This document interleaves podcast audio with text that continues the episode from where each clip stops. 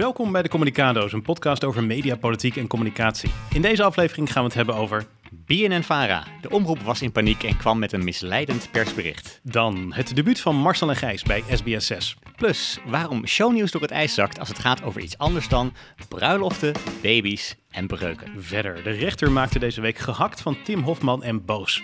En eindelijk is er een antwoord op de vraag: is Brit echt of niet?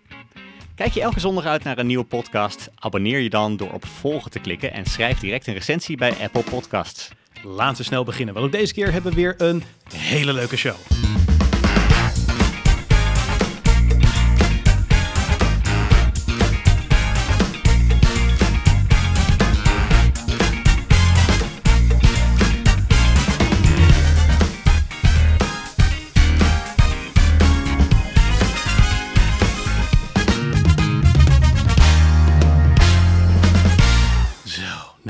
Me wel een weekje, Lars. Ja, ja, het is volgens mij eh, nou ja, de helft van de week gegaan over de nieuwe documentaire die is eh, uitgezonden.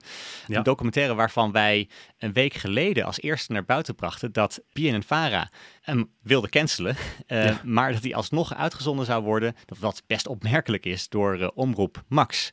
Zeker, ja. Dat nieuws dat eh, hebben wij inderdaad in onze podcast gehad. Die kwam op zondagochtend zoals altijd heel vroeg online. En een aantal uur later stond het in het AD op een artikel op de site. Even later ook op een artikel op de site van de Telegraaf.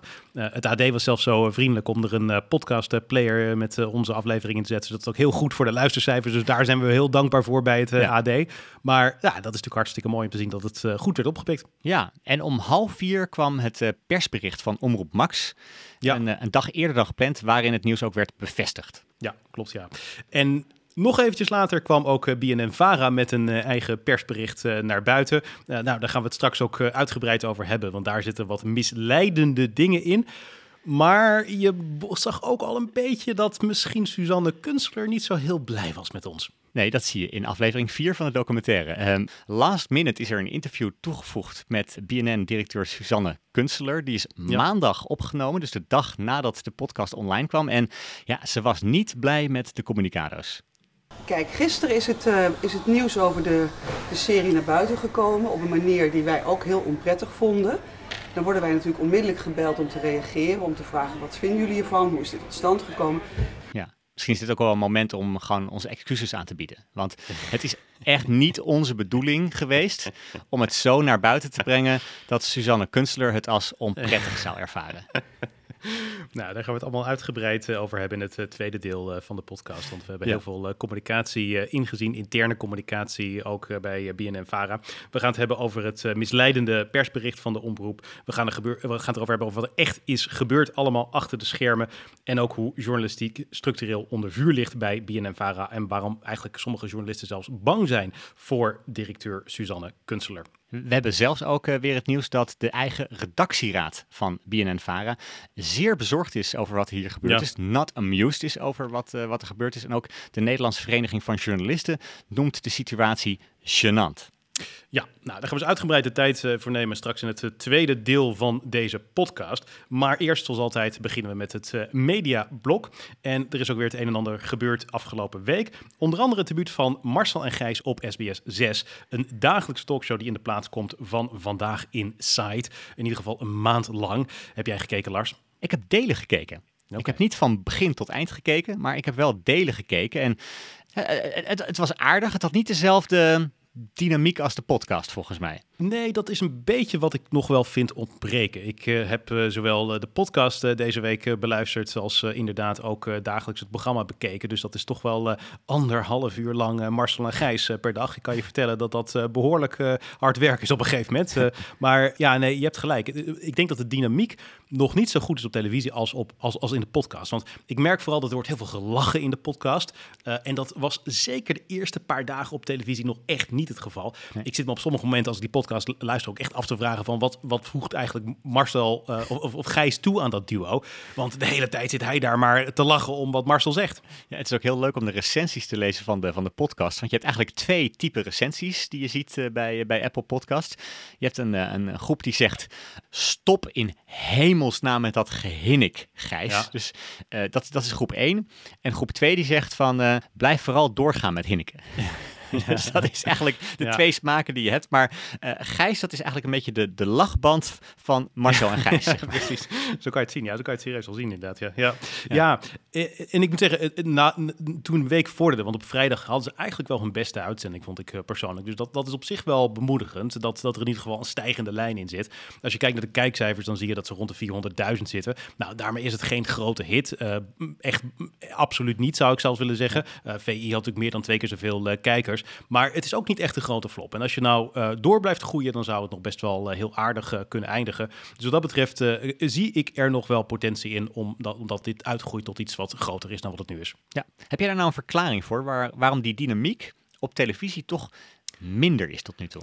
Nou ja, ik denk dat een van de dingen waar ze mee worstelen is hoe ze die gast die ze erbij hebben zitten in, eh, moeten incorporeren. Want ik denk dat het heel belangrijk is om absoluut een gast te hebben. Ik denk dat dat ook eh, elke dag weer een net wat ander eh, smaakje geeft. Het, Ja. het, het zorgt voor een nieuwe impuls, zeg maar. Maar wat ze in het begin deden was dat ze die gast gewoon aan het begin tien minuten lang gingen interviewen. En ja, dat is meestal niet verschrikkelijk interessant. Ik kijk niet omdat ik alles wil weten over Helene van Rooyen. Eh, dus eh, ja, dat is een manier om die gast heel goed tot zijn recht te laten komen. Maar het is ook niet waar mensen voor kijken. Die willen vooral het commentaar van Marcel van Roosmalen op de actualiteit hebben. Dus wat ze na verloop van tijd hebben gedaan, dat was denk ik veel beter, is dat ze die gast gewoon zijn gaan laten meepraten en bevragen over het nieuws van de dag. Dus op een gegeven moment zat Victoria Koblenko daar. Die zat er niet alleen te praten over, om over te praten over de situatie in Oekraïne, maar om gewoon over allerlei dingen mee te praten. Dan geeft Marcel commentaar, eh Gijs stelt een vraag en ook Victoria in dat geval geeft haar kijk op de zaak. Ja, dat is een beetje zoals de talkshow vroeger natuurlijk ook was. Hè? Want ik herinner me ook Ja. wel van, van Barend en van Dorp. Dat is toch een beetje de grondlegger van de talkshows in Nederland. Dat de gasten Nou. daarover alles meespraken. Weet ik niet, weet ik niet. Want Daar werden ook wel mensen echt geïnterviewd. Barend en Verdorp waren ook wel echt goede interviewers. Dus het idee was ook wel dat iedereen gewoon daar goed kon eh, praten over zijn onderwerp. Maar eigenlijk kan het zo zijn dat als je daar als gast aan tafel zit, dat je bijna helemaal niet praat over het onderwerp waar je normaal gesproken wel voor aanschuift in talkshows. Eh, en dat is wel kenmerkend. En ook veel podcasts worstelen een beetje met diezelfde vraag natuurlijk. Hè? Want het is vaak heel erg leuk om gasten uit te nodigen. Het geeft echt een, een nieuwe impuls aan de dynamiek. Eh, het is ook vaak leuk voor de makers om een gast eh, te hebben. Maar tegelijkertijd, je kunt niet je hele eigen format loslaten. Want er zijn ook bepaalde verwachtingen die mensen van je hebben. Dus soms moet je ook daar de keuze maken om een gast op een goede manier te incorporeren. En daar moet je verstandige keuzes over maken. En ik denk dat ze dat bij Marcel en Gijs later in de week beter hebben gedaan dan aan het begin van de week. Eh, het is een beetje de manier zoals VI dat eigenlijk ook doet. En nou ja, dat geeft misschien ook wel aan dat eh directeurtje Marco Laurensen, eh, dat hij ermee bezig is. Want dat is iemand die actief betrokken is bij dit programma, maar natuurlijk ook heel actief betrokken is achter de schermen bij VI. Ja, ik vind het wel interessant. Hè? Want dat dwingt gasten dus ook om het niet te veel over zichzelf te hebben of te dicht bij hun repertoire te blijven. Precies. Eh, je dwingt ze ook een beetje gewoon om, om mee te praten over van alles. Ja. Daarmee is het inhoudelijk waarschijnlijk niet automatisch een sterker programma. Maar qua dynamiek is het wel leuker om naar te kijken. Nee, en ik denk dat ze iets dichter soms op de actualiteit mogen zitten hoor. Want het viel me op dat op vrijdag bijvoorbeeld helemaal niet gesproken is over eh, Trump en eh, nou ja, wat er allemaal gaande is in de Verenigde Staten. Ik denk dat dit nou toevallig wel relatief groot nieuws uit de Verenigde Staten is. Dus dan zou je dat eigenlijk wel een klein beetje moeten bespreken daar. Dat had VI denk ik wel gedaan. eh, dus dat, dat mag hier ook wel. Ik denk één ander ding wat me hier ook aan opvalt. En dat is het, het, het feit dat er echt heel veel Marcel en Gijs is op dit moment. Want behalve die dagelijkse podcast en het dagelijkse televisieprogramma... is het ook nog zo dat Marcel van Roosmalen een wekelijkse column heeft eh, op eh, Radio 1 bij de Nieuwsbv. Eh er is wel het risico op overexposure en ook wel op het feit dat er wel ja, heel, dat het heel moeilijk wordt om je creatieve sappen wel allemaal goed te replenishen, om het maar zo te zeggen.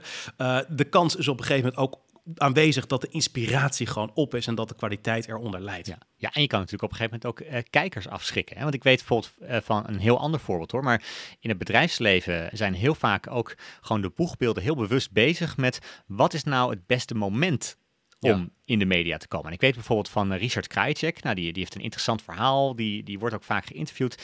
Die was directeur van het ABN AMRO tennistoernooi in Rotterdam. Ja. En voor hem was eigenlijk het meest interessante moment om veel publiciteit te creëren, was de drie maanden voordat het toernooi plaatsvond. Dus Ja. de zes maanden daarvoor werd gewoon echt elk interview afgewezen. Ja. Ook vanuit de gedachte van, we moeten echt alles doen om overexposure te voorkomen. Als we dan de laatste drie maanden extra veel doen, dan zijn mensen ook extra nieuwsgierig om weer iets te horen van Richard Krajicek. Ik denk dat dat een goed argument is voor uh, Marcel en Gijs om een uh, lekkere lange vakantie te nemen de afloop van deze maand als zij weer klaar zijn met hun uh, dagelijkse talkshow. Ook natuurlijk is er de vraag van wat betekent dit voor het 7 uur tijdslot van NPO 1?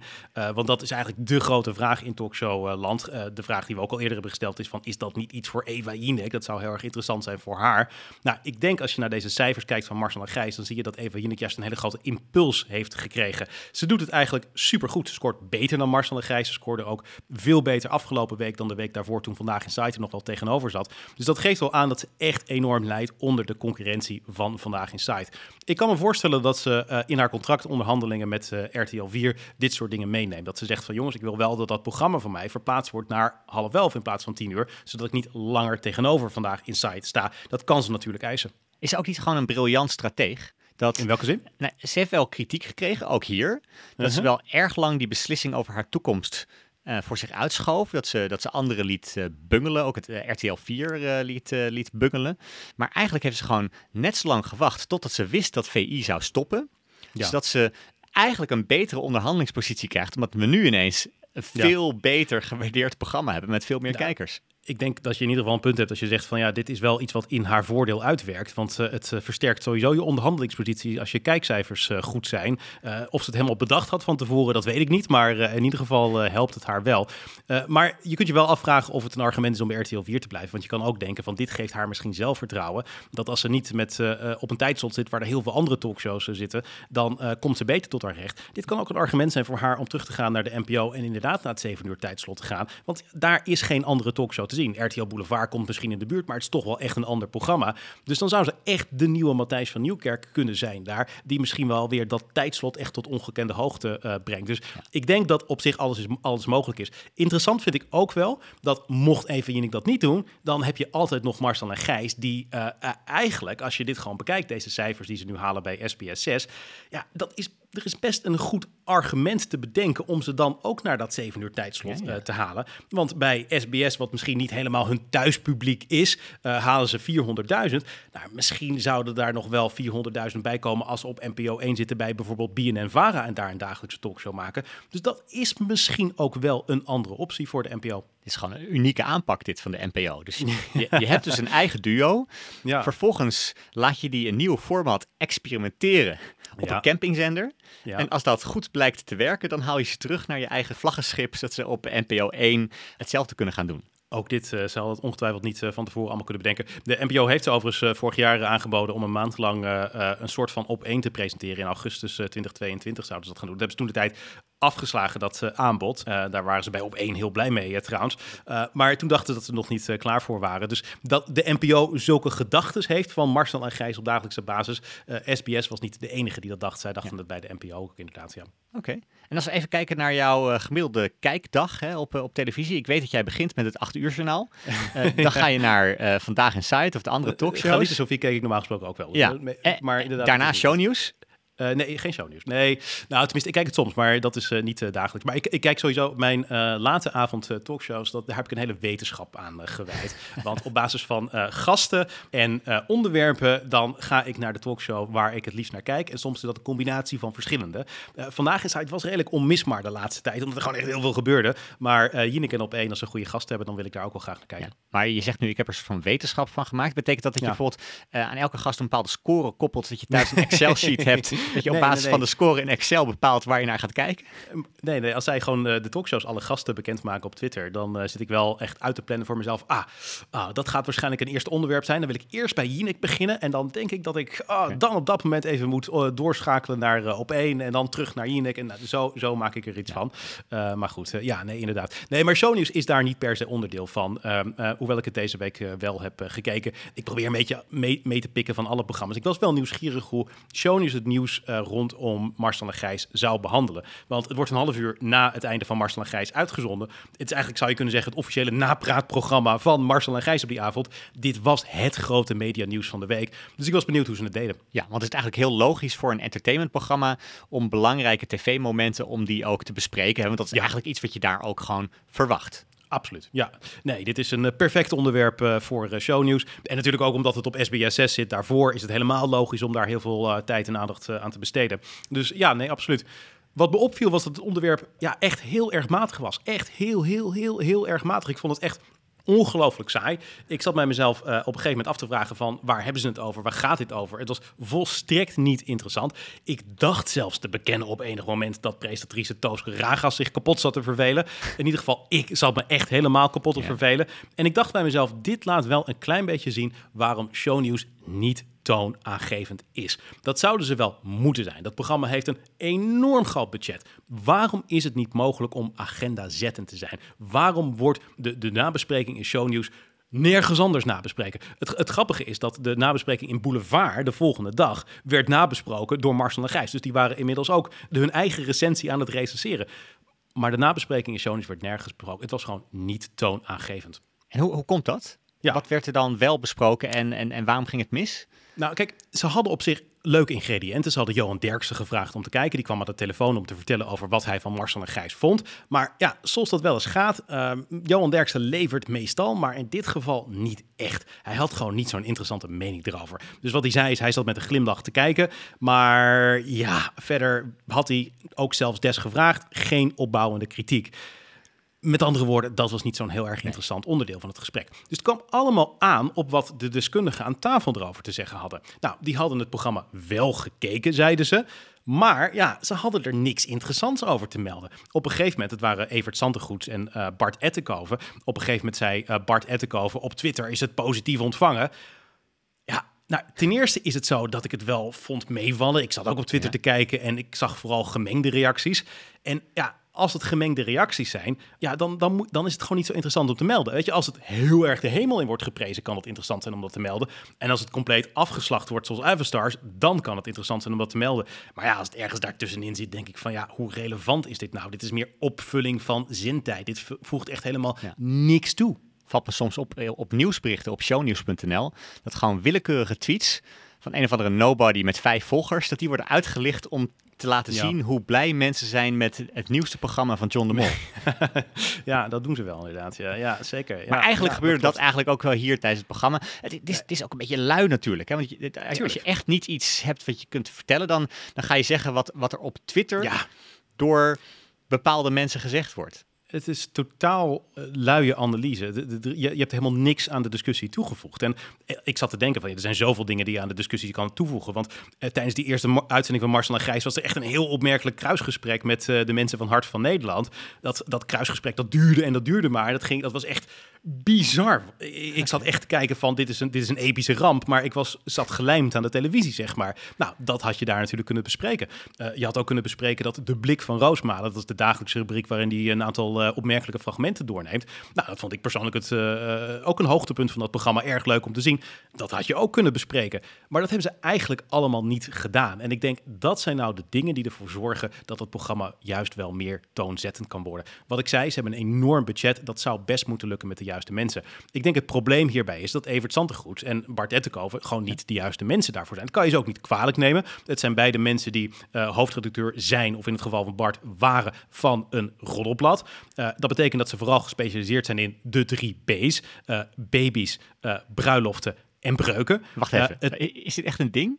ja, het is echt een ding. Het was echt nieuw, die afkorting voor mij. Maar er is echt, ja, iedereen in entertainmentwereld die, die kent de drie B's het wordt wel eens vaker gebruikt, inderdaad. Ja, ja baby's, bruiloften en breuken, inderdaad. Ja, ja, het traditionele domein van, van de roddelbladen, inderdaad. Ja, ja precies.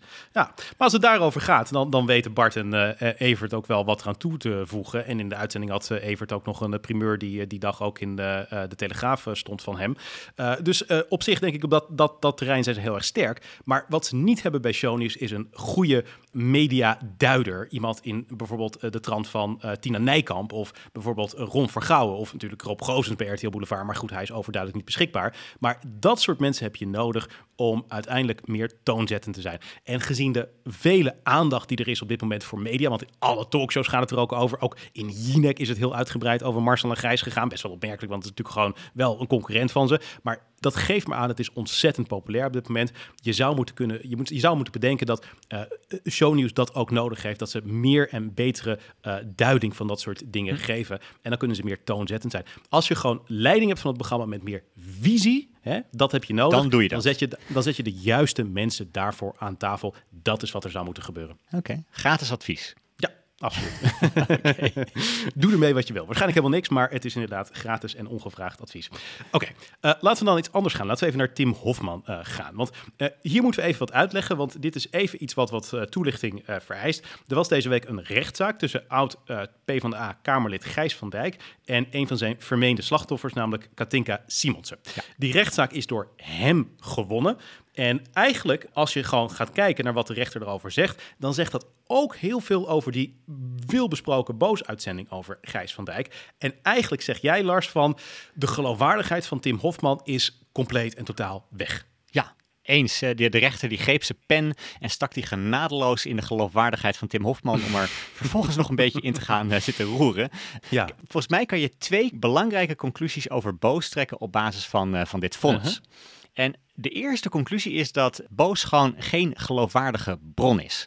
Want als je hmm. het vonnis terugkijkt, dan zie je ook dat Katinka Simonsen heel vaak aanhaalt van ja, ik herhaal nu slechts iets wat ook gewoon in de uitzending van Boos zat. dus... Ja, ja, zij herhaalde dat bij Misha in die podcast die offline uh, gehaald uh, moest worden op uh, last van de advocaten van Gijs van Dijk. En daarover is dus ook dit kort geding geweest. Want het is dus ook, zij heeft een probleem gekregen met wat zij daarover zei in die uitzending. Klopt, klopt. En uh, wat de rechter bijvoorbeeld uh, letterlijk zegt is, die uitzending kan echter niet als rechtvaardiging dienen voor uitingen van Katinka Simonsen. Hmm. Bovendien is de uitzending grotendeels gebaseerd op haar eigen verklaringen en verder anonieme bronnen. Hmm. En uh, ik heb ook ja, dit voorgelegd aan een mediaadvocaat die ook heeft gekeken van, nou ja, is het nou opvallend wat er, wat er hier wordt, uh, wordt gezegd? En nou, als ik het een beetje in mijn eigen woorden samenvat, de rechter neemt boos gewoon niet serieus. Hmm. Stel nou dat het 8 uur journaal had gezegd dat Gijs van Dijk 350.000 euro heeft gekregen van de Partij van de Arbeid. En vervolgens wordt dat bijvoorbeeld ook nog eens in NRC Handelsblad wordt dat, uh, wordt dat herhaald. Nou, als jij en ik dan zeggen van ja, uh, Gijs van Dijk heeft 350.000 euro gekregen van de Partij van de Arbeid. Ja, dan zal menig rechter toch zeggen van ja, op basis van de uitzendingen van, uh, van het 8 uur journaal, NRC Handelsblad, mocht je dat aannemen. Maar ja, dat is hier totaal niet gebeurd. Dus ja, ik zou me toch ook even als, uh, als Tim Hofman achter mijn oren krabben van ja, uh, hij vindt zijn eigen programma volgens mij heel erg goed. Maar de, de rechter die neemt de journalistieke geloofwaardigheid van zijn programma toch net iets minder serieus. En dat is natuurlijk wel kritiek die hij vaker heeft uh, gekregen. Uh, er is natuurlijk één hele goede uitzending van uh, Boos, namelijk die over The Voice. Ja. Maar andere uitzendingen die hebben toch wel ja, een wat meer entertainment gehalte, waarbij het journalistieke gehalte toch helaas wel wat tekort schiet. Ja, eigenlijk is Tim Hofman een soort van Pieter Storms natuurlijk. Hè? Maar ja. Pieter Storms had, had net wat minder capsones wanneer het ging om het aanprijzen van zijn eigen programma misschien. Hè? Dus die, die, die, die, had niet het gevoel dat hij zelf een beetje nieuwsuur aan het spelen was, volgens mij. Ik geloof trouwens dat ook Pieter uh, Storms best wel wat capsones had. Uh, dus uh, dat, dat zegt wel wat, die uitspraak, Lars. Maar oké, dit is dus de eerste conclusie die jij ja. eruit trekt. Wat is de tweede? Nou, kijk, eigenlijk kun je ook gewoon concluderen dat die hele aflevering van Boos op drijfzand is gebaseerd en totaal -hmm. niet serieus is te nemen. Want als je nou heel sec kijkt van wat zijn de zaken die Katinka niet meer mag zeggen van de rechter, dan zijn dat vijf dingen. Eén, dat Gijs van Dijk zich schuldig heeft gemaakt aan aanranding of ander seksueel grensoverschrijdend gedrag. Twee, dat hij 350.000 euro heeft ontvangen van de Partij van de Arbeid. Drie, dat hij een relatie heeft of had met de Partij van de Arbeidsfractievoorzitter Adje Kuiken. Vier, ja. dat hem een baan is aangeboden door de Partij van de Arbeid. En vijf, dat met de Partij van de Arbeid is afgesproken dat niets voor de slachtoffers gedaan zou worden. Nou, Deze dingen in het vonnis staat dus dat mag zij niet meer zeggen. Nee, klopt. En nou, dit is een beetje de essentie van de hele aflevering van 13 april. Als je, als ja. je dit weghaalt uit de aflevering van 13 april, dan blijft er niks meer over. Nee. Hè? Dus eigenlijk alle belangrijke zaken die in die uitzending terugkomen, daarvan zegt de rechter nu van ja, dat, dat mag je niet meer herhalen. Want dat vindt geen grondslag in de feiten.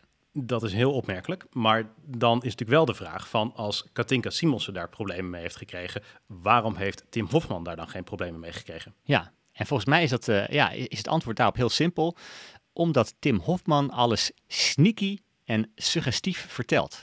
Eerst even sneaky. Het is iets wat we in deze podcast eerder ook al besproken hebben. Kijk, die 350.000 euro die nam Tim Hofman tijdens de uitzending zelf niet in de mond. Dus hij heeft mm -hmm. dat niet uitgesproken. Maar hoe kwam dat naar buiten? Het zat in een screenshot van de ja. hoor- en wederhoorvragen, die dan wel twee seconden in beeld zat tijdens de uitzending. Dat dus, is destijds ook besproken, geloof ik. Hè? Ja, Precies, en het zat in een vraag die, eh, die hij mailde aan uh, Gijs van Dijk. En het is eigenlijk een soort van klassieke wappie-techniek. Hè? Van ik stel alleen maar vragen, maar ook een journalistieke doodzonde. Kijk, als je iets niet hard kunt krijgen, maar stiekem toch hoopt dat het viraal gaat, nou, zet het dan als twee seconden screenshot van hoor- en wederhoorvragen in, uh, in, in, in, beeld. Dus dat vond ik heel sneaky. Uh, twee, ook heel suggestief, want ja. hij zegt niet letterlijk tijdens de uitzending dat Gijs van Dijk een relatie had met Partij van de Arbeid fractievoorzitter Adje Kuiken. Uh, wat hij doet is, hij gaat wat zachter spreken, hij kijkt wat mysterieus in de camera en zegt dan Kuiken zou namelijk close zijn met Gijs van Dijk. En daardoor zijn mensen bang dat zij het onderzoek zal beïnvloeden. Hij zou close zijn met Adje Kuiken. Victor, ja. wat betekent dat? Dat als nou, twee mensen close zijn.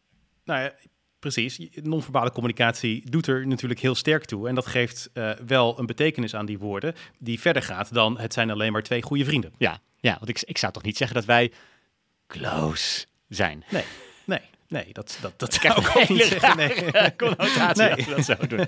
maar, ook, maar ook later in de uitzending komt een appje in beeld. Met Atje is niets meer. Ja. Waar wij dan als, als kijker moeten concluderen dat ze kennelijk een relatie hadden. En volgens mij is het doel daarvan om te zorgen dat kijkers dingen concluderen zonder dat je ze zelf letterlijk zegt. Want ja. wat er waarschijnlijk aan de hand is hier, er zijn meerdere juristen die hebben meegekeken naar elk woord in zijn YouTube-filmpje. En die hebben waarschijnlijk gezegd van, nou, je mag niet zeggen dat ze een relatie hebben, maar als je zegt ze waren close, dan trekt de kijker toch wel die conclusie. En dan kom je er juridisch net mee weg. En dat het ook de bedoeling was om dit wel naar buiten te brengen. Of in ieder geval ja, dit beeld op te roepen. Blijkt ook wel uit een artikel, ook op de site overigens van BNN-Vara, maar dan bij Joop. Daar staat, um, het programma heeft een appje van Van Dijk weten te bemachtigen, waaruit blijkt dat hij een geheime relatie had met huidig Partij van de Arbeid leider Adje Kuiken.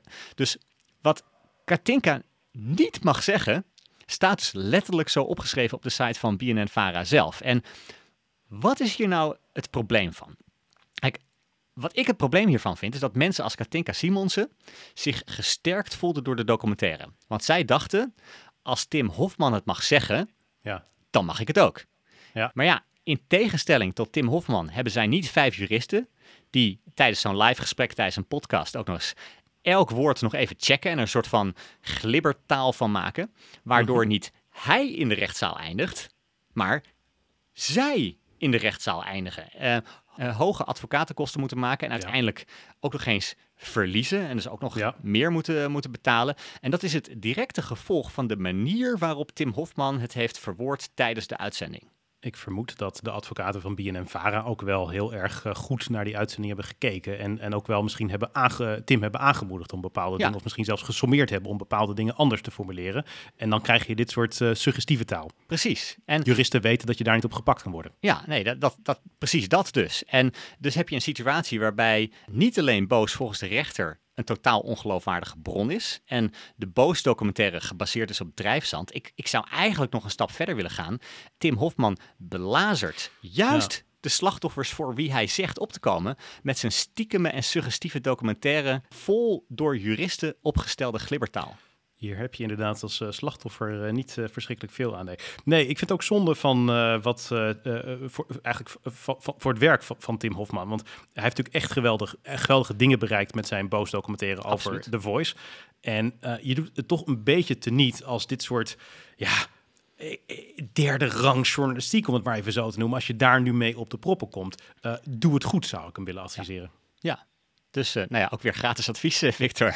ja, en, en, nog een stukje gratis advies. Uh, ik weet dat ze bij Talpa natuurlijk een enorme hekel aan hebben. Dat is niet exclusieve informatie natuurlijk, maar dat ze bij Talpa een enorme hekel hebben aan Tim Hofman. dit was ook een ideaal onderwerp geweest voor shownieuws. Als ze een klein beetje toonzettend willen zijn en terug willen vechten naar Tim Hofman. Hm. dan had, en, en ook de baas, de grote baas John de Bon willen imponeren. Dan hadden ze volgens mij dit moeten doen. Maar goed, dat is wederom gratis advies, wat waarschijnlijk niet overgenomen gaat worden. laten we het hebben over Britt Dekker. Ja.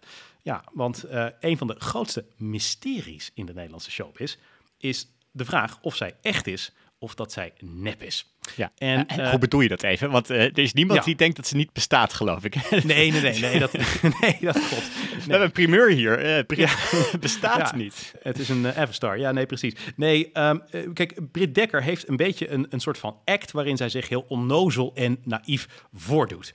En eh, dat is iets wat ook haar groot heeft gemaakt, ook wel een beetje uniek maakt in de Nederlandse eh, showbiz.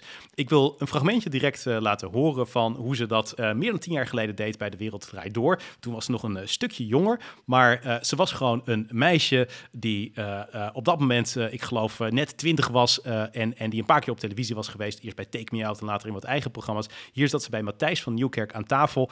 En ja, ze weet niet de leeftijd van Matthijs van Nieuwkerk en schat dat anders in, iets lager in dan het in werkelijkheid was. Maar het eh, leidt tot eh, hilariteit. De, de naïeve en onnozele Brit. Ik heb wel heel erg eh, podiumangst. Ik heb echt de hele dag heb ik wel buikpijn. Dat is wel echt serieus iets. Want dan zeggen soms mensen, ja, je durft wel naar Call Rain of De Wereld Draait Door of zo, weet je. Maar kijk, in De Wereld Draait Door, nu praat ik gewoon met een 30, 40, 20-plusser. Of ja, ik weet niet, ik weet niet hoe oud je bent. ik weet het niet. Hoe oud denk jij dat ik ben? Ik schat dat het, ja, ik denk 32.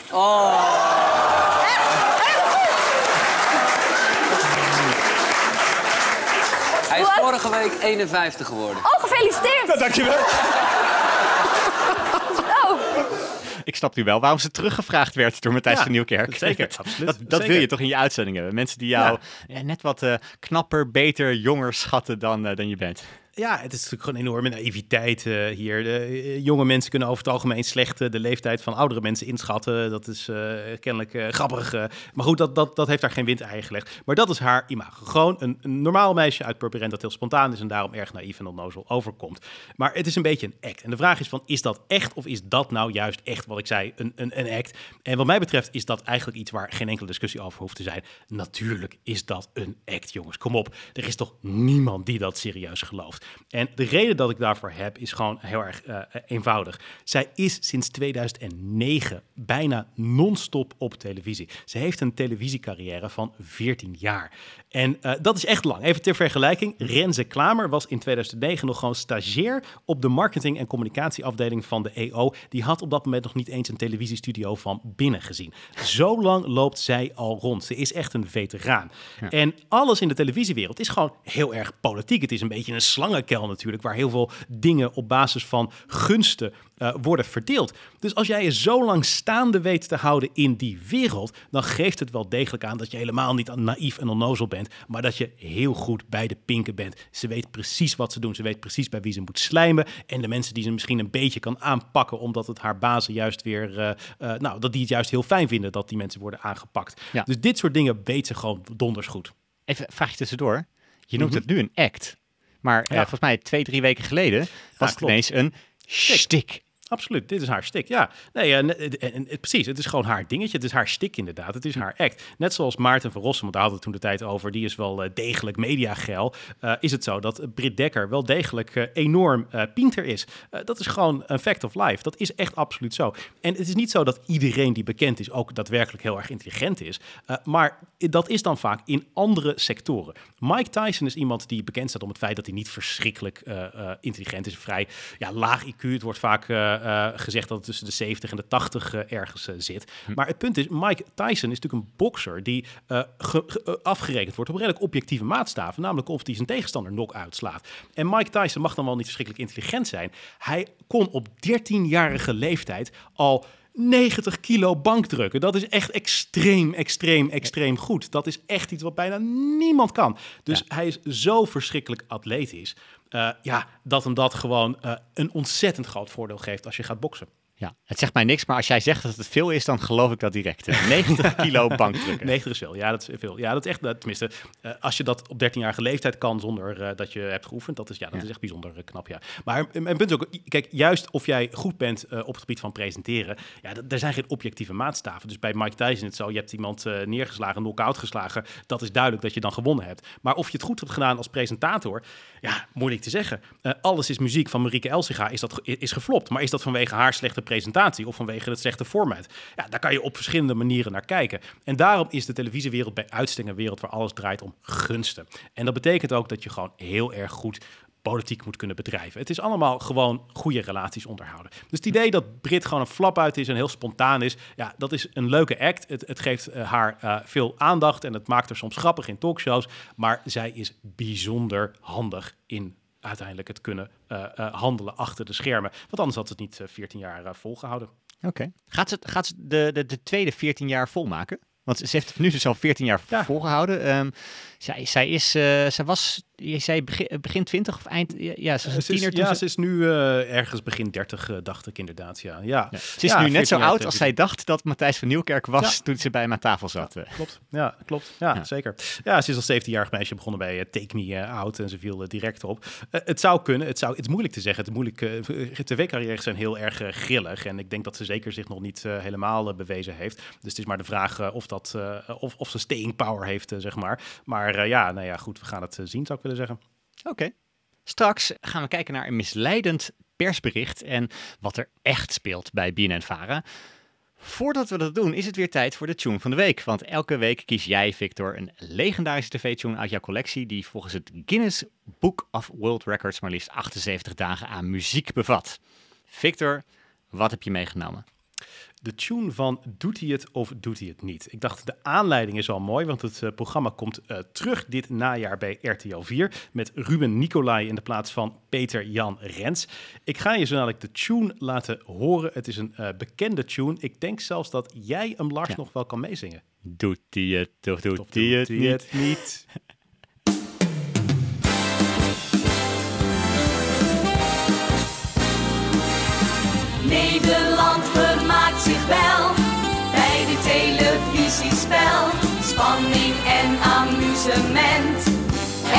Veel talent. Ja, het is weer tijd voor een beetje vrolijkheid. Eén vraag is hier favoriet. Doet hij het of doet hij het niet? Ja, net even twee octaven hoger, maar eh, het was absoluut dezelfde tune. Ja. Ja. In eh, Duitsland is het een hele trend om eh, nostalgie-tv terug te brengen. Want de staatsloterij, de 100.000 D-mark show, is daar teruggekomen. Zelfs met de oorspronkelijke presentator uit de jaren 90. Ook Prijzenslag is eh, teruggekomen. Eh, en ja, het waait kennelijk een beetje over eh, naar ons eh, koude kikkerlandje. Of tenminste het vrij hete kikkerlandje Ja. in deze tijd van het jaar.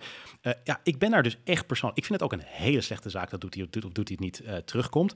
En de reden dat ik dat vind, is omdat een van de dingen waar ik me al heel erg aan erger bij al die films die tegenwoordig in de bioscoop draaien, is dat het allemaal vervolgen zijn op eerdere uitgebrachte films. Hè? Dus de zoveelste Star Wars film, of Jurassic Park deel 34, Ja. of Mission Impossible 18.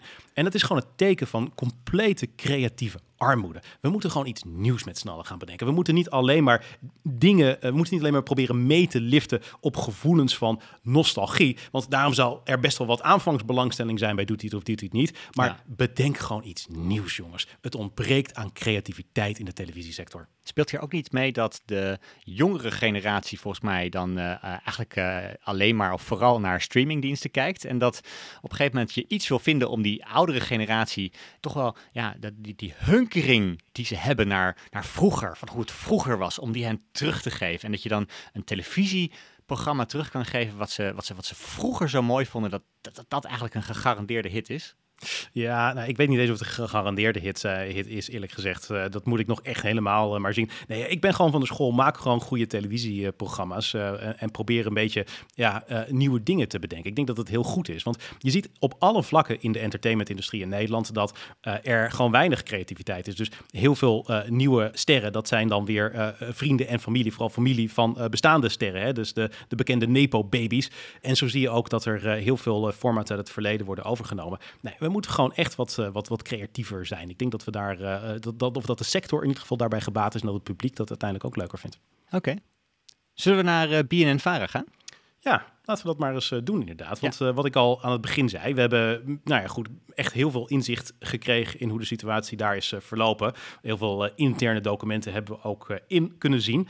En dat betekent dat we een aardig beeld hebben van wat er allemaal is gebeurd. Even misschien een vraagje als eerste, Lars. Uh, wij hebben beide de documentaire gezien. Wat, ja. vond je er eigenlijk van? Want we hebben het veel besproken van zeg maar, de, de aanloop daar naartoe en wat er allemaal is misgegaan. Wat ja. vond je van de documentaire zelf? Nou, ik, ik vond hem fascinerend. Uh, met een aantal echt ja, memorabele eh, momenten eh, met eh, Ian Burema, die volgens mij echt een hele rake analyse had. Het stuk over Arnold Karskens vond ik eigenlijk Wat ook vond, wel je raak aan de, wat vond je raak aan de analyse van Ian Burema? Nou, die, die, die kon volgens mij heel goed uitleggen als een van de weinigen, überhaupt, van wat de maatschappelijke trend was die leidde tot, eh, tot zijn cancelen. En hij, hij kon het ook gewoon duiden aan de, de trends die hij zag in de samenleving, die voorbij, of die verder Ja. gaan dan woke dit, woke dat, of eh, conservatief, progressief. Dus hij, hij kon een bepaalde onderstroom kon hij ook analyseren. Dus daar, daar Ja. was ik eigenlijk wel van onder de indruk. Ja, zeker. Ja. Ik vond het ook wel interessant dat het eh, stoppen van de vooravond eh, werd eh, besproken. Dat, dat is natuurlijk ook al veel besproken. Wij hebben het ook wel eens besproken in deze podcast. Dat het een gesprek over abortus was. Wat uiteindelijk Fidan en Renze kwalijk is genomen. Want een abortusactivist die zat daar in de uitzending. En die kreeg een prijs. Dus uh, BNNVARA dacht, die worden bejubeld. En toen kregen ze ineens hele kritische vragen door Fidan en Renze. En dat was niet de bedoeling. Dat gesprek is destijds ook niet online geplaatst. Of tenminste, ze hebben niet geknipt en apart Ja. Online geplaatst. De hele uitzending stond wel eh, online. Maar dat heeft ze intern heel veel gedoe opgeleverd. Ik vind het best aannemelijk dat ehm, ja, de vooravond is gestopt. Omdat BNN-VARA de presentatoren terecht vond. Ja. En ik vind ook wel, dan moet je dat ook wel bespreken in die documentaire. Of het precies hetzelfde is als canceling. Dat, dat, ja, dat weet ik niet helemaal. Nee. Maar ik vind het wel iets wat, wat dan een plaats heeft in deze documentaire. Het was ook wel gek. Ik zag dat er kritiek op was van, kom je daar nu nog steeds over? Ik, ik denk, het was ook gek geweest als je dat, het helemaal niet had genoemd. Nee, had ik Ehm, gek gevonden. Het was overigens ook wel een documentaire waar, waar ik soms op het punt stond om, eh, om een schoen naar de televisie te gooien. Want Ja? ehm, op een gegeven moment toen Maurice de Hond bijvoorbeeld voorbij kwam en, eh, en, en, en hij toch een beetje werd weggezet als eh, ja, iemand die slachtoffer is. Toen dacht ik van, ach, ga, ga, ga eerst eens gewoon even met eh, Ja. eh, Michael de Jong eh, praten. De, die werd weggezet als de klusjesman door eh Maurice de Hond. Ja. En, ehm, is terecht dat is, punt, ja. dat is nou echt iemand die het slachtoffer is hier. Niet, niet Zeker. Maurice de. Hond. Eh, terechtpunt, ja. Zullen we even kijken naar wat er echt gebeurd is bij de documentaire? Want Ja. je gaf het al aan van we hebben best wel veel stukken gezien en gekeken van wat er nou echt aan de hand is. En op basis van alles wat we gezien hebben en ook interne stukken die we bestudeerd hebben, hebben we wel een aardig beeld gekregen volgens mij van wat er achter de schermen is gebeurd. En als je dat ziet, dan, dan, dan leer je ook een beetje hoe Hilversum soms kan werken. Dus het geeft ook wel een aardig beeld van Hilversum volgens mij. Ja, dat denk En- ik ook inderdaad, ja. Dan moeten we even een paar dingen gewoon stap voor stap even eh, doornemen. Van wat is er nou precies gebeurd? Nou, deze documentaire die is twee jaar geleden gestart. En dat, die is gestart door Fidan en Kies en regisseur Kees Schaap. Kees Schaap en BNN-Vara werkten toen al een kwart eeuw samen. Ze kenden elkaar goed. Ze hebben samen prijswinnende documentaires gemaakt, de Tegel gewonnen. Als er nou iemand links is, Ja, dan is het Kees. zeker. En ruim een jaar later gebeurde er iets. Toen kreeg eh, BNN-Vara een nieuwe directeur content. Dat is Suzanne Kunstler. Eh, dat is iemand die aan ons wordt beschreven als eh, zeer directief. Dat was overigens Ja. ook al in haar vorige functies. Dominant, grillig, woke, noemen medewerkers van BNN-Vara haar. En er zijn ook wel wat, flink wat mensen die zeggen dat, ze, ja, dat, dat, dat zij haar wat vrezen... of dat anderen binnen BNN-Vara haar vrezen. En dat ze vanaf het begin geen fan was van deze documentaire. Want dat besluit om die documentaire te maken was dus al genomen voordat zij eh, directeur content werd. Ja, en dat is even een heel belangrijk punt om direct te markeren. We gaan daar zo dadelijk uitgebreider op in. Maar het hele idee dat er één foute grap met chocozoenen is uitgehaald... en dat dat de reden is dat ineens Suzanne Kunstler een heel groot probleem mee had... dat is dus een klein beetje misleidend. Ze had al veel langer problemen met deze documentaire. Precies. Want in de loop van het maakproces kwam er steeds meer kritiek vanuit BNN-Vara. Eh, er was bijvoorbeeld zeer veel weerstand dat Wiert Duk en Arnold Karskens werden geïnterviewd. Want dat is een zuivere racist. Die mag geen seconde zendtijd bij BNN-Vara. Dat, dat was toch het sentiment. En die weerstand die werd ook zo ervaren door de makers. Ja, en hier zie je ook een verandering die heeft eh, plaatsgevonden eh, binnen BNN-VARA. De VARA was vroeger de omroep die het maatschappelijk debat faciliteerde. Dat deden ze met Paul Witteman en bijvoorbeeld het Lagerhuis of Sonja en haar talkshows. Er werden heel veel verschillende soorten mensen uitgenodigd die ook eigenlijk de meest extreme opvattingen hadden. En het werd allemaal daar besproken onder het mom van als er goed maatschappelijk debat plaatsvindt, dan eh, heeft dat uiteindelijk, is dat een voordeel voor linkse politiek. Want als mensen alle argumenten zien, dan komen ze uiteindelijk bij links uit. Dat was het idee er altijd achter. Dus heel veel talkshows die komen ook uit het clubhuis van de VARA. Maar wat je ziet is dat de afgelopen jaren er steeds onder druk van uh, nieuwere, jongere medewerkers, die misschien meer woke zijn, uh, er een tendens ontstaat dat bepaalde onderwerpen en bepaalde gasten niet meer in de talkshows passen. Onderwerpen zoals bijvoorbeeld dingen over transgenders of bijvoorbeeld inderdaad uh, Wier Duk uitnodigen. Daarvan vinden mensen dat dat niet kan. Dus er is een soort van conflict tussen de oude VARA-mensen die denken van alles moet besproken worden en de nieuwere mensen die zeggen van ja, maar dat is gewoon racisme, dat kan niet. Ja, wat, wat ik hier opmerkelijk vind, is dat, kijk, ik ben absoluut geen fan van Arnold Karskens. en als je hem ook nog neer zou zetten als slachtoffer van een cancelcultuur, dan, dan zou, zou ik ook op mijn achterste benen gaan staan. Wat ik eigenlijk in, dit, in deze documentaire juist wel sterk vond, is dat hij werd kritisch geïnterviewd, uh, omdat hij altijd zijn mond vol heeft over dit onderwerp in de media. En hij moest het uitleggen. En er kwam ook echt wel duiding van hoe hij daar was uh, gekomen. Hij was ook zelf zijn allerminst blij met het resultaat van deze, deze serie. Dan denk ik, ja, dat voegt wel wat toe. Dus ik, ik denk dat die hele cultuur waarbij je bepaalde mensen überhaupt niet aan het woord mag laten, ongeacht hoe, met welke vragen, kritiek, et cetera. Ik denk dat dat geen goede ontwikkeling is. En het feit dat uh, deze uh, ja, problemen er al waren binnen BNNVARA leidde ertoe dat in december 2022 uh, de omroep al de suggestie deed van... hey jongens, waarom gaan jullie niet naar WNL met deze documentaire? Ja. En even voor de goede orde, nogmaals, dat, dat kerstpakket met die chocozoenen erin... dat is in het persbericht van BNNVARA uitgebreid aangehaald. Dit is dus daarvoor nog. Dus voor die tijd wilde BNNVARA er al vanaf. Voor die tijd hadden zij zoiets, dit past eigenlijk niet bij ons. Ze zaten ermee in de maag. Ja, klopt. En over het kerstpakket is al heel veel in de media gekomen. Uh, wat ik begrijp is dat regisseur Kees Schaap elk jaar een aantal relaties een kerstkaart stuurt die op het randje is. Ja. Uh, eentje, eentje omringd met jachtgeweren, kettingzagen en dode herten om hem heen. Um, een, een, paar mensen een kerstpakket stuurt uh, dat, dat, dat schuurt. Het is een soort van jaarlijkse traditie. En nou ja, hier ja. wilde hij iemand die zelf aangaf dat hij worstelde met woke. Een soort van anti-woke kerstpakket sturen met een blauwe pietenpruik, genderneutrale nagellak, een doos chocozoenen met een uitgeknipt blackface plaatje erop. Dat, dat pakket landde niet zo lekker. Daar gaan we het straks ook, ook wel over hebben. Um, ja. Even voor de goede orde. Vorige week wisten we iets over een grap die verkeerd was gevallen, maar kennen we nog niet alle details. Dus daarom deze week nee. meer ook daarover. Ik had, dat is het enige punt waarvan ik had gewild dat uh, uh, ik iets beter had uh, doorgevraagd.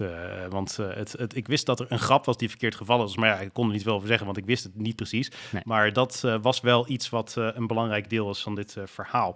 Ja. maar goed, inderdaad, um, ze hadden dus WNL benaderd om dan deze documentaire over te nemen. Ja, Uiteindelijk is dus, dat. Ja. Ja. ja, of die hadden dat inderdaad opgeworpen. Uiteindelijk is dat niet gebeurd. Het is naar Max gegaan. Het, het, het, moet ook wel gezegd worden, er is, er is een reden. Want BNN-Vara presenteert het ook als een soort van redelijkheid van jongens, wij staan jullie toe om naar een andere partij toe te gaan om het uit te zenden. En dat klinkt heel redelijk, maar als je weet hoe de geldstromen binnen Hilversum werken, dan, ja, dan is het eigenlijk heel erg logisch dat ze dat doen. Het probleem is namelijk dat, dit, uh, ja, dat ze hier geld voor hebben gekregen van de NPO. BNNVARA heeft geld ja. gekregen van de NPO. En OCW, uh, uit, ja. Ja, en uiteindelijk heeft deze documentaire meer dan twee ton gekost. Als ze het op de plank laten liggen, dan betekent het dat een deel van dat geld terugbetaald moet worden. En dat is dus een enorme kostenpost voor BNNVARA. Dus het is heel erg in hun belang dat het ergens anders naartoe gaat en daar wordt uitgezonden. Ja, als we even een, een klein stukje die, die, die tijdlijn volgen. Uh, begin maart zit het dan, dus maart van dit jaar. Toen kwamen de redacties van Boos en deze documentaire bij elkaar.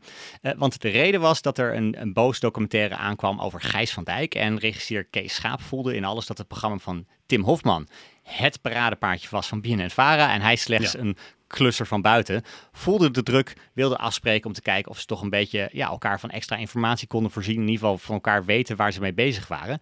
Nou, ze hadden hele andere uitgangspunten. Tim Hofman zag Gijs van Dijk als de schurk. Nou, in deze documentaire wordt hij juist ook als slachtoffer geïnterviewd. Sterker nog, er wordt gezegd dat hij geheel gerehabiliteerd is. Dus dat ja. is best wel een verregaande uitspraak. Ja, en dat overleg eindigde in slaande ruzies. En de teams waren niet langer on speaking terms. Ja. Uh, pikant weet je daarover dat Tim tijdens dat overleg ook steeds contact had met Suzanne Kunstler. Dus hmm. ja, die uh, Suzanne Kunstler die zit wel op de speed dial bij, uh, bij Tim Hofman. En dan is het ook duidelijk inderdaad uh, waar haar loyaliteit ligt. bij Tim Hofman en niet inderdaad bij Fidan en Kees Schaap. Ja, maar BNN begon dus steeds meer ook mede hierdoor met die documentaire in de maag te zitten. En dat explodeerde toen Suzanne Kunstler eind maart een ruwe versie van de vierde aflevering eh, van de serie zag, waarin de reactie op het kerstpakket was verwerkt. Nou, Ja. zij zag die documentaire en zei alleen maar, ik ga terug naar kantoor om het te beraden. Ja, nou, het is doorgaans niet een eh, reactie van iemand eh, die dol enthousiast is en denkt van, eh, kan niet wachten tot dit op zender komt. Nee, nou ja, vanaf dat moment werd het stil. Kwamen de instructies, vooral van de juridische afdeling. Nou, de regisseur Kees Schaap wilde het nog steeds bij BNN-Vara uitzenden, maar ja, die wilde onder geen beding dat de reactie op het kerstpakket in de documentaire kwam. Dan is er nog één ding dat wel relevant is te weten in die timeline, en dat is ook nieuw, dat is niet eerder naar buiten gekomen.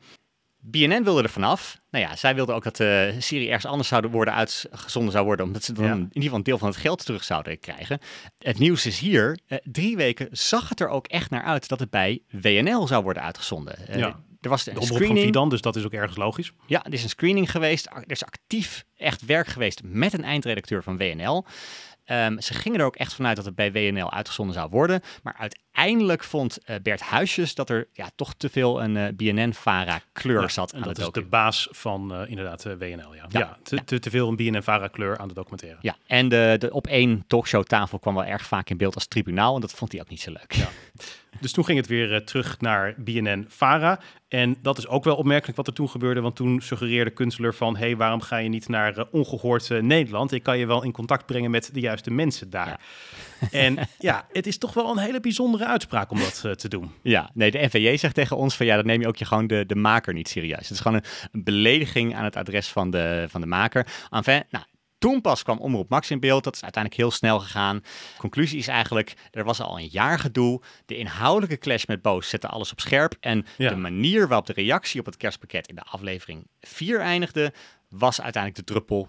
Toen is het geëxplodeerd. Goed, nou, dat is de hele gang van zaken. Dit is hoe het allemaal is eh, gegaan eh, vanaf eh, begin tot het eind, zeg maar. Maar vorige week op zondag, een, nou ja, goed, een uur of twaalf na het uitkomen van onze podcast. En nadat er inderdaad een Max-persbericht ook is uitgegaan en AD en Telegraaf daarover hebben geschreven. Toen kwam BNN-Vara ook met een persbericht. Ja. En daar werd de regisseur Kees Schaap volledig onder de bus gegooid. Feitelijk werd er gezegd hij is een racist, want hij zou een ongepaste grap hebben uitgehaald door Choco zoenen met daarop een eh, plaatje van eh, blackface hebben eh, geplakt. En dat heeft hij dus naar verschillende medewerkers bij BNNVARA gestuurd Ja. en dat is verkeerd gevallen. Ja, een oude witte man die zelf uitgelokt relletje met een racistische grap nu, Ja. nou, daarna nu huilend op de grond ligt en slachtoffertje speelt. Ehm, Ja. compliment aan het frame. Ja, want het frame is dan heel concreet. Hij heeft dit relletje uitgelokt bij BNN-Vara om een soort van interessante content te maken voor zijn documentaire. Ja. En daar laat BNN-Vara zich niet voor lenen. Dat Nee. is eigenlijk gewoon wat ze daar. Nee. En daardoor ligt de focus dus volledig op het kerstpakket. Terwijl we net al lieten zien, ja, dat Ja. was absoluut wel onderdeel van die discussie, maar dat is echt niet. eh, het, het was al een, een, een jaar lang eh rommelde het. Overigens wel, ehm, als je denkt dat het anno 2022 nog grappig is. Eh, om, om, om, om chocozoenen naar mensen te sturen en dan ook nog eens een blackface erop te plakken. Ja, ik vind dat tamelijk bizar hoor. Dus dat, dan heb Ja, je de tijdsgeest en de verandering wel enigszins gemist. Ik vind, ja, wat hij zegt in die documentaire, hij kent die mensen goed en het, ze halen altijd van dit soort eh, grappen uit. Diezelfde grap is dus uitgehaald in een of andere test eh, die op televisie te zien was eh, van eh, BNN-Vara. Dus kennelijk bij, bij BNN-Vara vonden sommige mensen het ook grappig. Ja, ja. Niet de ontvangers, maar andere mensen wel. Je mag de grap alleen maken als je, als je van de BNN-Vara bent, maar niet als je een, eh, een, eh, klusser van buiten bent. Ja. Er staat ook in het persbericht overigens dat, dat hij dit onder canceling had geschaard. Hè? Dus dat in, in de documentaire. Ja, het woord cancelen werd helemaal niet genoemd bij de bespreking van dit onderwerp. Het, het, het, Nee. het ging meer over de manier waarop je met dit soort situaties omgaat. Ik, ik denk dat we allemaal wel weten van, kijk, als je iemand 25 jaar lang kent, en we kennen, Ja. er zijn allemaal wel mensen die we kennen die we al 25 jaar meemaken in hun leven, dan zijn er momenten dat die ander gewoon eh, iets super stoms en, en zelfs onacceptabels doet. Hè, dat gebeurt gewoon in, in 25 jaar. Dan is volgens mij de kunst om samen aan tafel te gaan zitten en niet direct de directeur erbij te gaan halen en het direct te, te escaleren. Eigenlijk was het punt in de documentaire, dat was hier waarschijnlijk ook een betere oplossing geweest. En juist doordat we alles direct zo escaleren, loopt het ook gewoon sneller uit de hand. Oké, dus het gaat eigenlijk niet om die eh choco-zoenen. Maar dan is wel de vraag natuurlijk van, eh, ja, wat is dan het echte probleem? Een van de dingen die wij vorige week ook hebben gezegd, het imago van BNN-Vara, eh, dat leidt onder deze documentaire. En daar was Suzanne Kunstler bang voor. Precies. Nou, dat is een claim, die hebben we niet zomaar gemaakt. Dat is ook wel echt ergens op gebaseerd. Ja, nee, want als je bijvoorbeeld kijkt naar de interne documenten waar gevraagd wordt om wijzigingen in de serie, en dan, en dan met name dus de wijzigingen in de vierde aflevering, dan staat daar letterlijk dat bepaalde wijzigingen nodig zijn om het merk BNN-Vara te beschermen. Eh, om te voorkomen dat er schade ontstaat aan het merk BNN-Vara. Ja. Ehm, en dan staat er later ook van, ja, dit is schadelijk, eh, even later eruit met, eh, met, met hoofdletters. En dat was hetgene waar ik nou moeite mee had, want journalisten zouden niet bezig moeten zijn met het merk BNN-Vara. Precies zoals eh, journalisten van een Volkskrant niet bezig zouden moeten zijn met het merk de Volkskrant. En dat, dat, Ja. dat blijkt bijvoorbeeld ook dat vorig jaar bracht de Volkskrant als eerste eh, gewoon uit hoe binnen het eigen moederbedrijf DPG Media in 2016 een directeur-uitgever ontslagen was wegens seksueel grensoverschrijdend gedrag. Nou, dat is ongetwijfeld schadelijk voor het merk DPG Media, maar dat Ja. betekent niet dat je het als Volkskrant niet zou moeten schrijven. En ook de journaalvergelijking van vorige week die ik aanhaalde, die gaat hier eh, natuurlijk nog steeds eh, op. Eh, je kunt ook niet het journaal verbieden als NOS-directeur om te praten over wat er bij NOS Sport is gebeurd. Omdat Ja. je bang bent dat het merk schaadt. Dat zou Ja. absurd zijn. Dus- maar e- even voor de duidelijkheid, dus zo'n documentaire wordt bekeken door de omroep. En dan kunnen zij dus daar suggesties doen. En zij hebben dus concreet suggesties gedaan om bepaalde dingen eruit te halen. Omdat het imago van BNN-Vara werd geschaad. Dus Klopt. precies wat we zeiden, dat was eigenlijk het probleem wat BNN-Vara had. Ja. En dan is eh, het laatste punt hierbij is ook nogal interessant van, maar wie moet dan of wie mag dan om die veranderingen vragen? Want uit alle stukken die we hebben gezien blijkt dat Suzanne Kunstler degene is die na het zien van die ruwe versie van aflevering 4 Ja. doelbewust escaleerde, elke dialoog onmogelijk maakte, dit tot onvrede ook van haar eigen medewerkers. En Ja. eh, de journalistiek verantwoordelijke, waaronder de eindredacteur, die werden gewoon opzij geschoven. Haar wil was wet tot frustratie van de journalisten bij BNN-Vara. En nou ja, dat hoef je niet van ons aan te nemen. Neem het bijvoorbeeld ook aan van de redactieraad van BNN-Vara zelf, die Ja. not amused was over de hele gang van zaken. Want in de media wordt het heel snel weggezet van dit is heel simpel. Je, Ja. ja. BNN-Vara heeft het juiste gedaan. Duh, gewoon logisch. Nou ja, de redactieraad die echt weet hoe het zit, die was not amused en wil dat dit echt eh, tot, eh, tot op de bodem wordt, wordt uitgezocht. En dit geeft ook aan dat er echt grote verdeeldheid is. En ook daar hebben we het vorige week over gehad. Binnen BNN-Vara zelf. Want eh, er zijn gewoon mensen die er op een andere manier tegenaan kijken dan Suzanne Kunstler. Klopt. En de Nederlandse Vereniging van Journalisten, die we ook hebben gesproken, die was achter de schermen intensief betrokken om een oplossing te vinden voor het eh, conflict dat was ontstaan. Nou ja, wat zij tegen ons zeggen is dat, ja, hoe ze duiden ook, is dat de belangen van de omroep op een gegeven moment zijn prevaleren boven die van een journalistiek programma. En dat vind ik ook wel interessant, want als je ook kijkt naar wat hier eigenlijk speelt, is dat BNN-Vara gewoon in heel veel opzichten een onjournalistieke organisatie is. En dat begint al met de structuur. Ja. Binnen zo'n beetje elke serieuze journalistieke organisatie heb je een hoofdredacteur.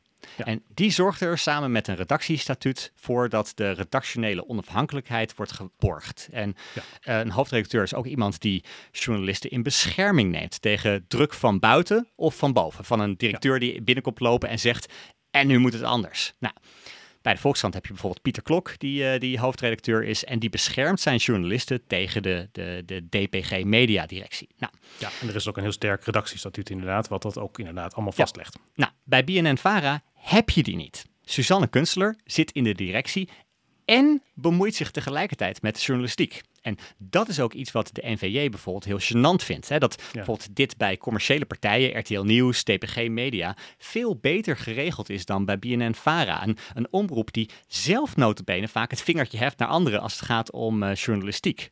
En ja, we hebben ook gesproken met de Raad voor de Journalistiek. Want ja, als je intern geen structuur hebt om redactionele vrijheid te waarborgen, nou ja, misschien kan een externe waakhond dan, eh, dan, dan helpen. Maar van alle omroepen is BNN-Vara de enige die de Raad voor de Journalistiek niet erkent. Er was één keer kritiek op het programma. Nou, de maat was vol. Eh, wij eh, accepteren en erkennen jullie gewoon niet meer. Nou ja, zelfs ongehoord Nederland heeft niet het vertrouwen opgezegd in de, de Raad voor de Journalistiek.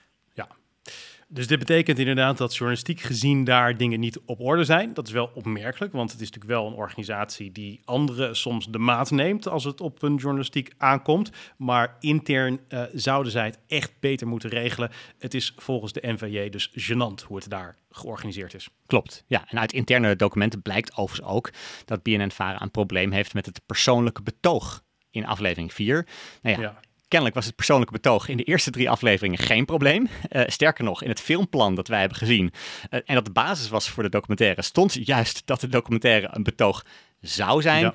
Eh, de conclusie die ik eigenlijk hier aantrek is vooral, bij BNN-Vara zijn ze voor betogende journalistiek, mits het een betoog is waar Suzanne Kunstler het persoonlijk mee eens is. En Ja. ja, dat lijkt me een erg slechte basis voor goede journalistiek. Ja, dat eh, is denk ik een eh, terechte conclusie eh, die je daar trekt. Maar goed, dan hebben we dus een paar dingen hier besproken. Het is wel even belangrijk om dat te doen. Het is ook een wat diepgaander blokje dan normaal gesproken. Maar ook echt even met de bedoeling om in te zoomen op hoe dit soort dingen nou werkelijk gaan. Ik merk dat best wel veel mensen gevoelig zijn voor de spin van BNN-Vara. Van ja, nee, die chocozoenen, dat kan Ja. echt niet. Maar zoals we hebben duidelijk gemaakt, dit is echt veel en veel en veel fundamenteler dan Ja. dat. Er zijn gewoon mensen bij BNN-Vara die vinden dit past niet meer bij ons. En dat zagen ze al lang voor dat verkeerde kerstpakket. Ja. Nou, interessant. Oké, we blijven het volgen. Ik, eh, nogmaals, ik roep mensen op om eh, vooral deze documentaire eh, te kijken. Hij staat op NPO Start. Het schijnt dat hij ook binnenkort op televisie uitgezonden gaat worden. Maar in ieder geval is hij nu al beschikbaar op NPO Start. Ja. Dan is het weer tijd voor Vraag het Fik en Lars, de rubriek waarin we elke week een vraag van een luisteraar beantwoorden. In deze onzekere tijden zijn wij jouw bron van wijsheid gratis en voor niks. Je kunt ons een vraag stellen door een mailtje te sturen naar vraaghetfikanlars.gmail.com. Dat mag een vraag zijn om advies, om onze mening of iets persoonlijks en zelfs impertinents. Ja. Voordat we naar de vraag van deze week gaan. ehm, vorige week experimenteerden we met een nieuwe oproep om je te abonneren op de podcast en een recensie achter te laten. Dat, dat leidde tot een hele leuke recensie op eh, Apple Podcast. En 100 nieuwe volgers, vooral op Spotify. Dus dank daarvoor en eh, dank Pieter voor de suggestie. Dan de vraag van deze week. Die komt van Monica en daar zit een fragmentje bij waar we eerst even naar gaan luisteren. Van eh, Nieuwsweekend Radio 1, Mieke van der Wij. Er zijn echt van die Gen Z'ers die... De wat? Gen Z'ers van de generatie Z, de, generatie Oh, onder de millennials. Gen Nog jonger dan Z'ers. Nog Oké. jonger dan Nee, de nee. millennials, ja. Ik, ik moet het even vragen. We hebben veel oude luisteraars die Ja. weten dat niet. De vragen die daarbij hoort is eh, de volgende. Eh, dag Fik en Lars, ben erg blij met jullie podcast en hard aan het terugluisteren, want te laat ontdekt. Misschien is dit een idee. Ik luister en kijk vaak naar nieuwsprogramma's en interviews. Wat mij opvalt en mij een beetje treurig maakt, als de interviewer een woord, begrip of situatie niet weet of denkt dat het publiek het niet weet. Dat kan natuurlijk het niet weten, maar uitleggen is ook prima, maar niet de manier waarop dat in het afgelopen fragment gebeurde. Net doen of je publiek achterlijk is, dat kan niet. Graag een communicatieoplossing. Met eh, of hartelijke groeten, Monica Keizer. Ja. Oké, interessant. Ja, nou, wat, ik, wat ik interessant vond, want hoe ik naar het fragment luisterde, is dat ze gewoon zelf ook niet wist wat het, eh, wat het was. eh, maar vervolgens eigenlijk haar luisteraars wegzet om eigen gezichtsverlies te voorkomen. En dat lijkt me toch Ja. wel not done. Ja, ja, ja, ik denk, ik, ja, ik denk dat ik er niet in meega dat eh, Mieke eh, niet weet wat het eh, betekent. Ik denk dat ze dat degelijk weet. Ze is natuurlijk al heel lang presentator van dat programma. Ik denk dat ze best wel goed op de hoogte is van dingen. Ehm, dus ik denk dat ze het wel weet. Ik denk wel dat ze zich terecht realiseert dat het publiek van Nieuwsweekend dat niet weet. Want het is natuurlijk wel een wat ouder publiek en dit is een wat meer modieus woord.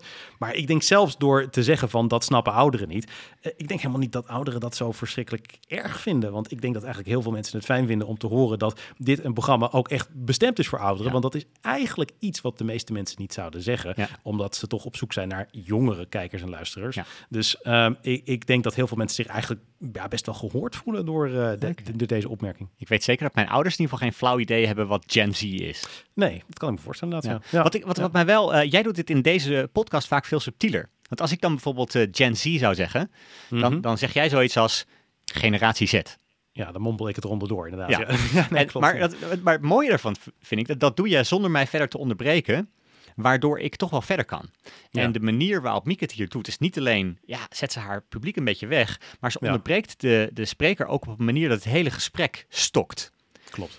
Dus eh, alleen al daarom zou ik het niet doen. Dat je, dan vind ik eigenlijk die manier waarop jij dat af en toe zo toevoegt, dat je het gewoon even in een, in, in, in een paar woorden uitlegt, zou ik meer adviseren aan, eh, aan een, eh, een radio-interviewer? Ik denk dat het inderdaad eh, beter is. Alleen dan moet je wel razendsnel daar een synoniem voor kunnen bedenken die mensen begrijpen. En ik denk dat dat het is waar het ehm, eh, vaak een beetje stokt. Dus meestal hebben wij al besproken wat de onderwerpen gaan zijn. Dus soms herken ik al in een eerdere fase dat jij een bepaald woord gebruikt. En denk ik Ja. daarover na wat is een alternatief eh, kunnen zijn. Ja. Maar dat is natuurlijk iets wat Mieke niet heeft kunnen doen. Nee. En als je, als je nou zoiets zegt als, even voor mensen die niet weten wat Gen Z is, ehm, eh, wat is dat ook alweer? Ja, nee, dat kan. Dat kan. Ja. Dat, dat vind ik dan ook al charmanter dan je publiek wegzetten. Ja. Ja, ja, ja, ja, ja, goed. ik- Ja, nou ja, goed. Ik, ik denk als het publiek er problemen mee heeft, dan, dan moet je het niet, niet doen. Ik, ik vraag me af of dat zo is. Maar goed, het, het, kan inderdaad op die manier. Dat is in ieder geval neutraler geformuleerd, ja. ja.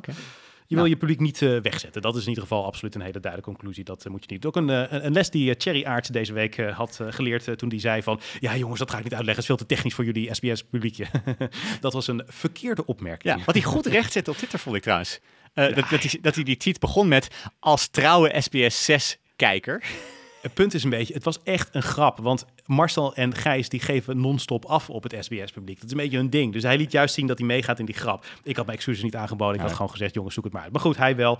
Eh, misschien is dat de reden waarom die eh, politicus... Ik weet niet. Dank je voor je vraag in ieder geval, Monica. Vraag het Fik aan Lars.gmail.com is het adres waar ook jij jouw vraag naartoe kunt sturen. Tot zover deze aflevering van de Communicados. Wil je geen enkele aflevering missen? Klik dan op volgen en abonneer je op deze podcast. Je kunt de podcast ook helpen met een recensie bij Apple Podcast. Een hele fijne week. Hoi hoi.